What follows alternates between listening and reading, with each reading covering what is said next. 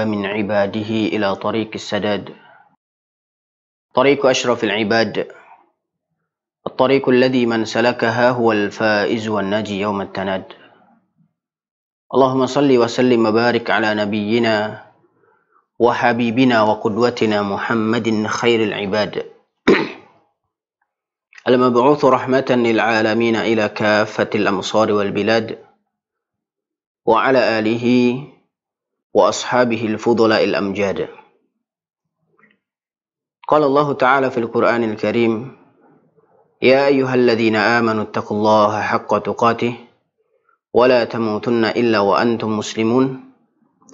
وقال أيضا يا أيها الناس اتقوا ربكم الذي خلقكم من نفس واحدة وخلق منها زوجها وبث منهما رجالا كثيرا ونساء.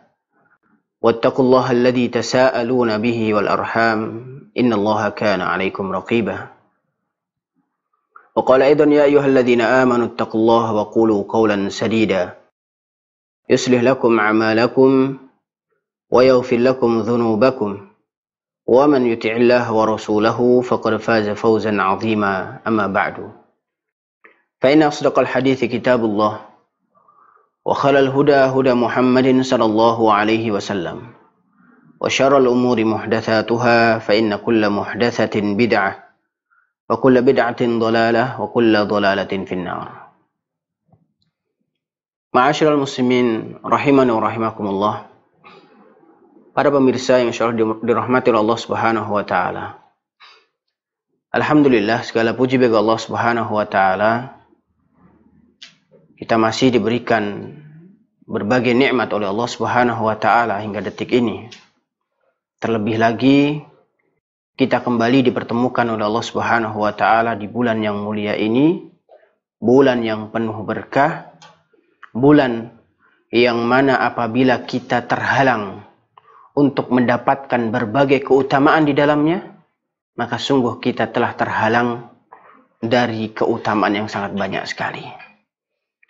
Oleh karena baginda Nabi Shallallahu Alaihi Wasallam pun di dalam sebuah hadisnya beliau mengatakan, Man hurima khairaha faqad hurim. Barang siapa yang terhalang untuk mendapatkan keutamaan-keutamaan di dalamnya, faqad hurim kata beliau. Maka sungguh ia telah terhalang dari kebaikan yang sangat banyak. Bayangkan Allah Subhanahu wa taala pun memberikan berbagai fadilah, keutamaan di dalam bulan Ramadan tersebut. Sehingga istilahnya Allah obral. Allah obral pahala di bulan-bulan ini. Sehingga apabila kita dipertemukan kembali oleh bulan yang mulia ini, maka sungguh kita memiliki kesempatan untuk memperbanyak pahala kita di hadapan Allah Subhanahu wa taala. Ma'asyiral muslimin wa rahimakumullah para pemirsa yang selalu dirahmati oleh Allah Subhanahu wa taala. Insyaallah di kajian menjelang berbuka ini kita akan membahas keutamaan-keutamaan serta fadilah yang akan didapatkan oleh seorang muslim ketika melaksanakan ibadah berpuasa. Yang mana kita tahu bahwasannya ibadah atau syariat puasa merupakan salah satu dari rukun Islam yang mana wajib bagi kita untuk melaksanakan kewajiban yang telah Allah wajibkan subhanahu wa ta'ala tersebut. Sehingga dengan kita mengetahui berbagai fadilah serta keutamaan semakin menambah keimanan kita. Semakin menambah giatnya kita di dalam menjalankan amal ibadah tersebut. Di dalam hal ini, Insya Allah kita akan bahas sebuah kitab karya salah seorang ulama yang bernama Syekh Abdul Aziz bin Abdussalam As-Sulami rahimahullah taala. Kitab tersebut berjudul Maqasidus Saum. Yang mana kitab ini sebenarnya cukup banyak pembahasan-pembahasan di dalamnya. Akan tapi pada kesempatan yang berbahagia ini kita akan jelaskan salah satu poin di dalam kitab tersebut yaitu adalah poin yang kedua yaitu fi fadaili tentang keutamaan-keutamaan yang terkandung di dalam puasa Ramadan. Ma'asyiral muslimin rahimana wa rahimakumullah. Para pemirsa yang insyaallah dimuliakan oleh Allah Subhanahu wa taala. Berkata Syekh Abdul Aziz bin Abdul Salam As-Sulami rahimahullahu taala Beliau mengatakan li sawmi fawaidu. Raf'ud darajat wa takfirul khati'at. Wa kasrus syahawat wa takfirus sadaqat wa tawfirut ta'at wa syukru alimil khafiyat inzijaru an khawatiril ma'asi. Syekh Abdul Aziz bin Abdul Salam As-Sulami rahimahullahu taala menjelaskan secara global terlebih dahulu tentang fadilah berpuasa. Tentang keutamaan-keutamaan yang akan didapatkan oleh seorang muslim ketika menjalankan syariat ini. Beliau mengatakan lisawmi fawaidu. Seorang ketika berpuasa maka ia akan memperoleh faedah-faedah. Akan memperoleh manfaat. Akan memperoleh fadilah serta keutamaan. Beliau paling tidak menyebutkan tujuh faidah di sini. Yang pertama adalah raf'ud darajat. Meninggikan derajat. Wa takfirul khati'at. Meleburkan kesalahan-kesalahan. Menghapuskan dosa-dosa. Wa kasrus syahwat. Mematahkan syahwat. Atau dengan kata lain, dapat sebagai tameng bagi syahwat wa takthirus sadaqat memperbanyak sedekah wa tawfirut ta'at memperbanyak amal ketaatan wa syukru alimil khafiyat serta dapat menjadi ajang untuk bersyukur kepada zat yang maha mengetahui sesuatu yang tidak diketahui. Alimil khafiyat yaitu Allah Subhanahu wa taala. Walinzijaru an khawatiril ma'asi wal mukhalafat. Serta mengendalikan atau mencegah pikiran-pikiran atau ide-ide untuk berbuat kemaksiatan ataupun berbuat hal-hal yang menyelisih syariat. Kita akan bawakan terlebih dahulu di sini bahwasannya kita tahu ini merupakan penggalan dari fadilah ataupun keutamaan ketika seorang muslim menjalankan kewajiban puasa yang dijelaskan oleh Syekh Abdul Aziz bin Abdul Salam rahimahullah di dalam kitab beliau Maqasidus Shaum. Kemudian siapa Syekh Abdul Aziz bin Abdul Salam As-Sulami rahimahullah taala. Beliau merupakan salah seorang ulama yang hidup di abad ke-6 Hijriah. Beliau juga merupakan salah seorang murid dari ulama terkenal yaitu Ibnu Asakir. Beliau adalah salah seorang ulama hadis dan juga ahli sejarah. Salah satu murid beliau adalah Syekh Abdul Aziz bin Abdul Salam As-Sulami rahimahullahu taala. Kemudian kita akan berikan syarah dan penjelasan terhadap ucapan beliau di sini.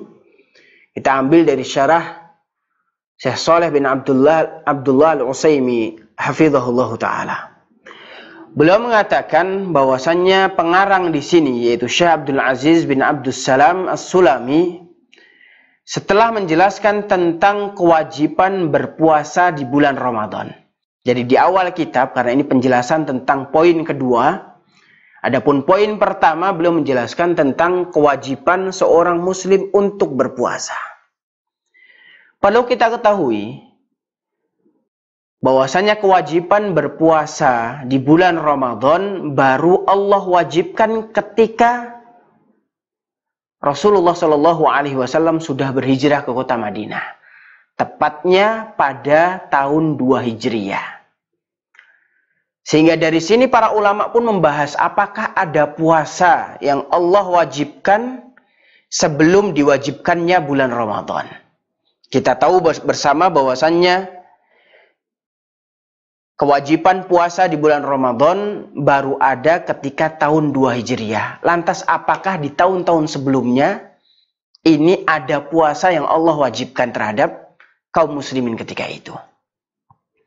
Maka di sini para ulama pun membahas adakah kewajiban berpuasa selain bulan Ramadan atau sebelum diwajibkannya bulan Ramadan?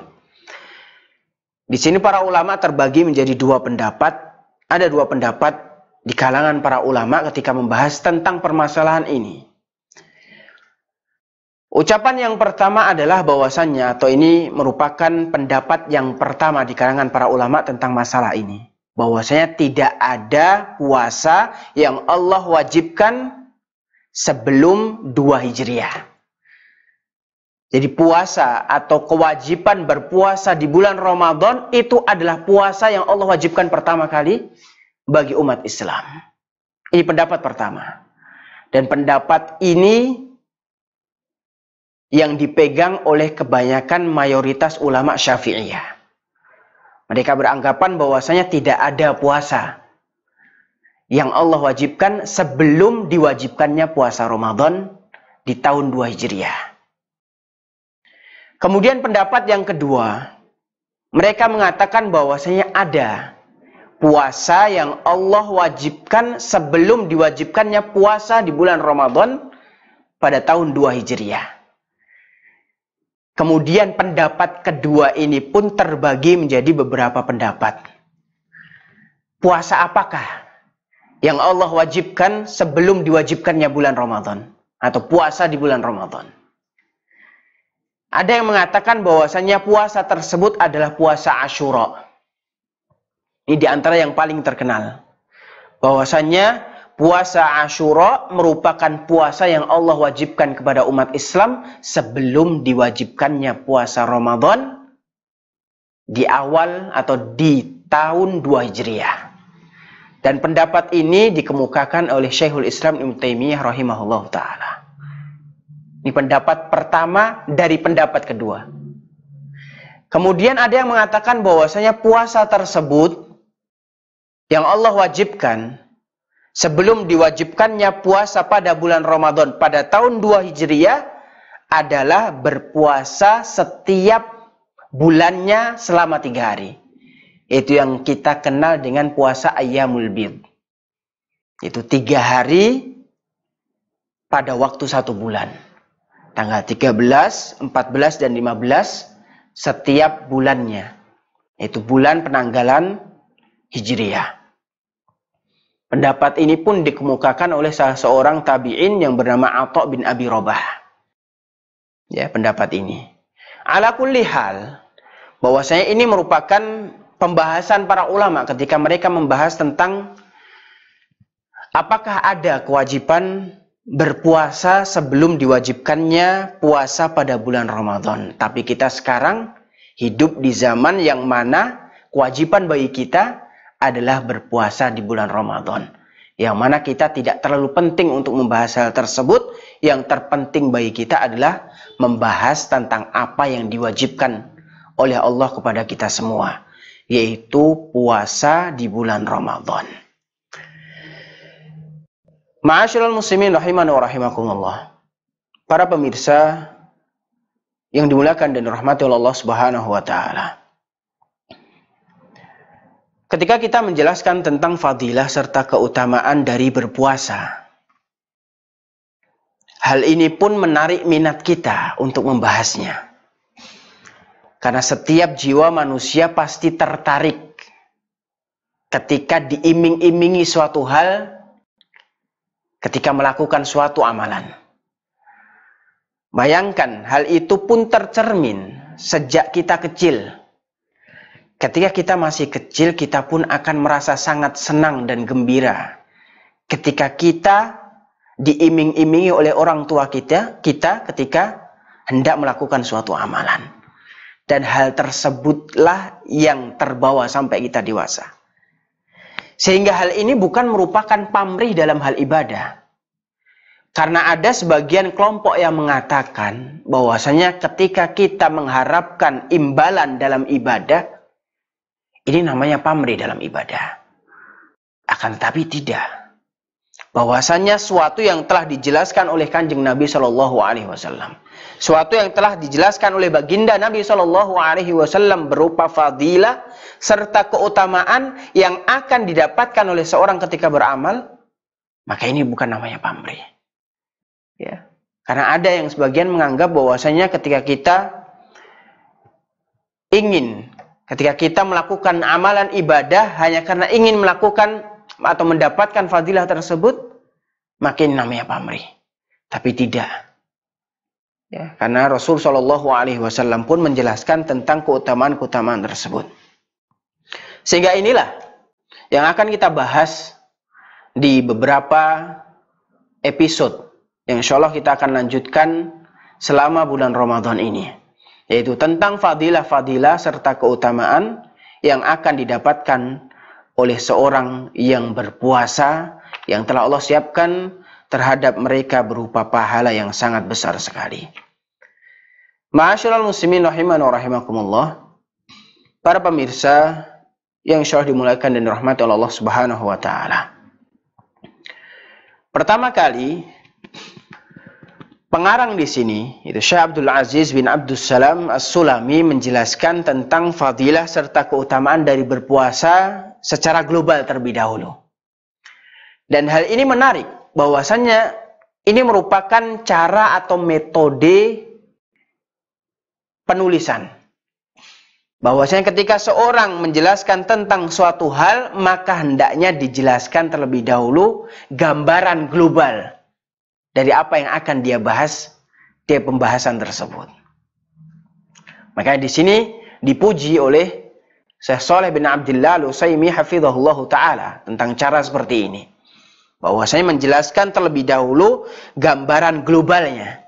Kemudian baru diperinci satu poin demi poin untuk menjelaskan tentang permasalahan tersebut.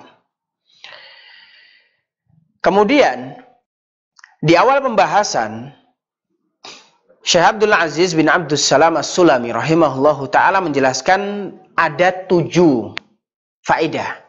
Kemudian ditambahkan beberapa faedah setelahnya. Akan tetapi hal ini bukan merupakan pembatasan. Ini hal yang pertama kali yang harus kita catat. Sesuatu yang dijelaskan oleh Syekh Abdul Aziz bin Abdul Salam As-Sulami rahimahullah ini bukan merupakan pembatasan.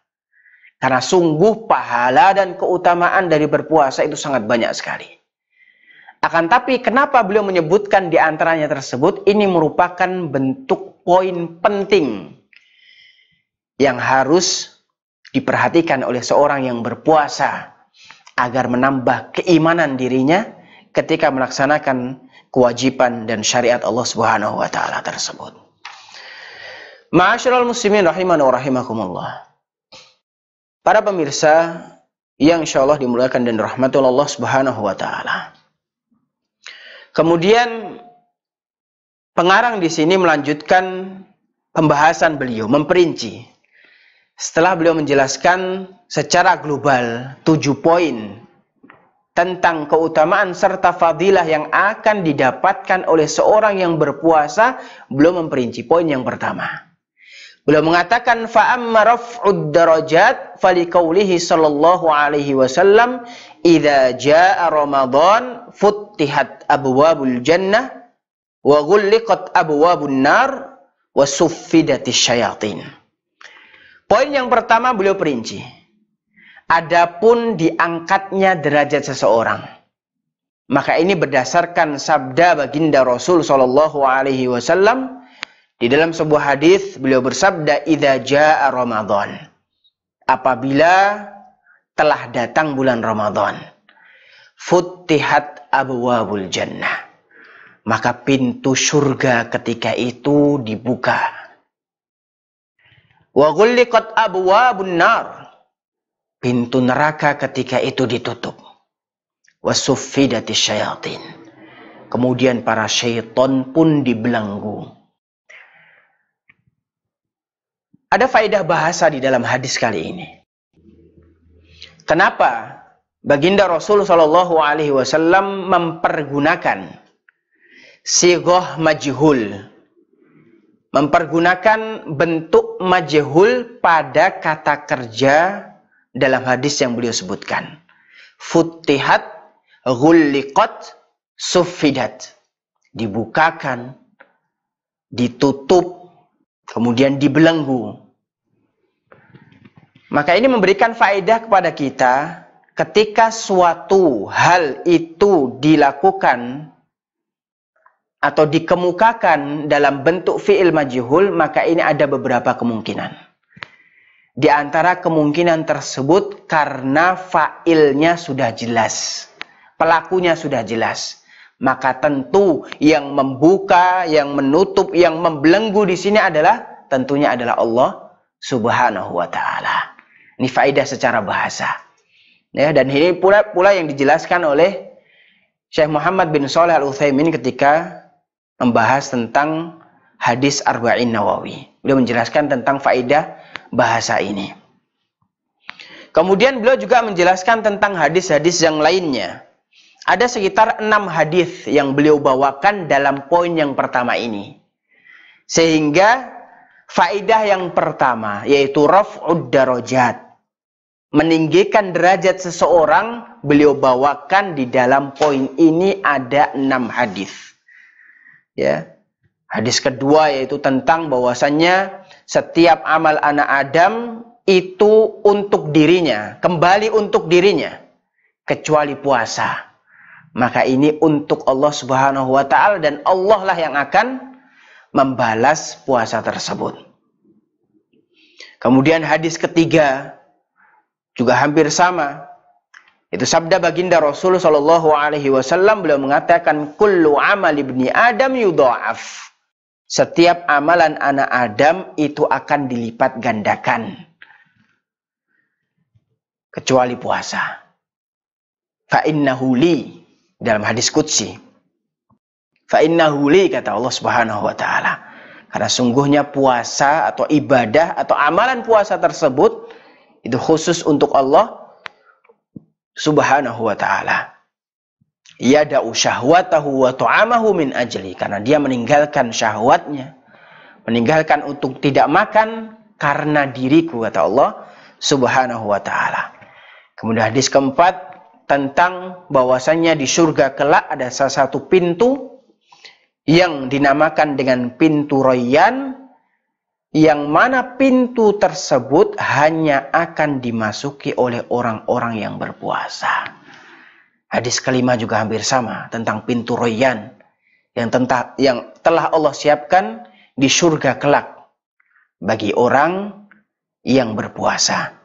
Kemudian hadis keenam adalah sabda baginda Rasul sallallahu alaihi wasallam, "Inna shaimatu salli alaihi al-malaikatu idza ukila indahu hatta yafrugu. Itu sabda baginda Rasul Shallallahu Alaihi Wasallam sesungguhnya orang yang berpuasa maka sungguh akan diberikan solawat oleh para malaikat ketika ada seorang yang makan di sisinya sampai seorang tersebut kenyang sampai orang tersebut selesai dari makannya. Ini di antaranya Faidah yang berkenaan dengan poin raf'ud darajat. Yaitu ditinggikannya derajat seseorang ketika dia menjalankan ibadah puasa. Ada sekitar enam hadis yang insya Allah kita akan jelaskan di berikutnya. Ma'asyiral muslimin rahiman wa rahimakumullah. Para pemirsa yang insya Allah dimulakan dan rahmati Allah subhanahu wa ta'ala.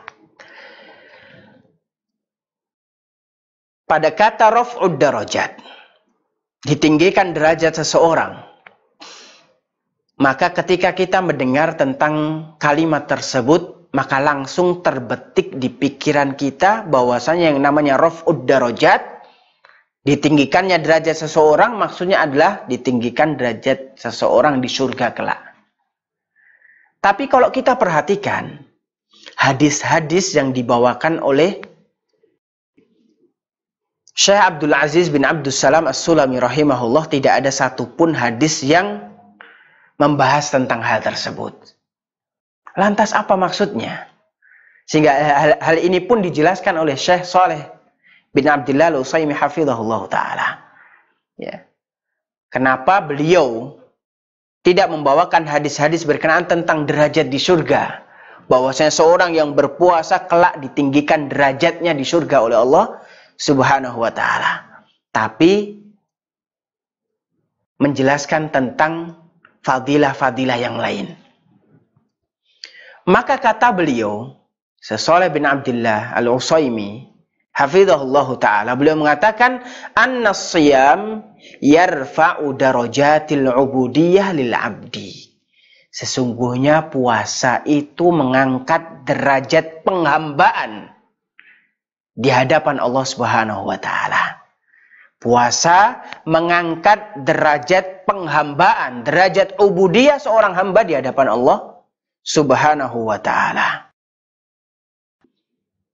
Karena ketika seorang hamba berpuasa karena Allah Subhanahu wa taala, dan ini tentunya niat awal yang harus ia bangun ketika berpuasa. Hendaknya puasanya diniatkan untuk Allah Subhanahu wa taala, maka ia pun akan mendapatkan fadilah yang besar.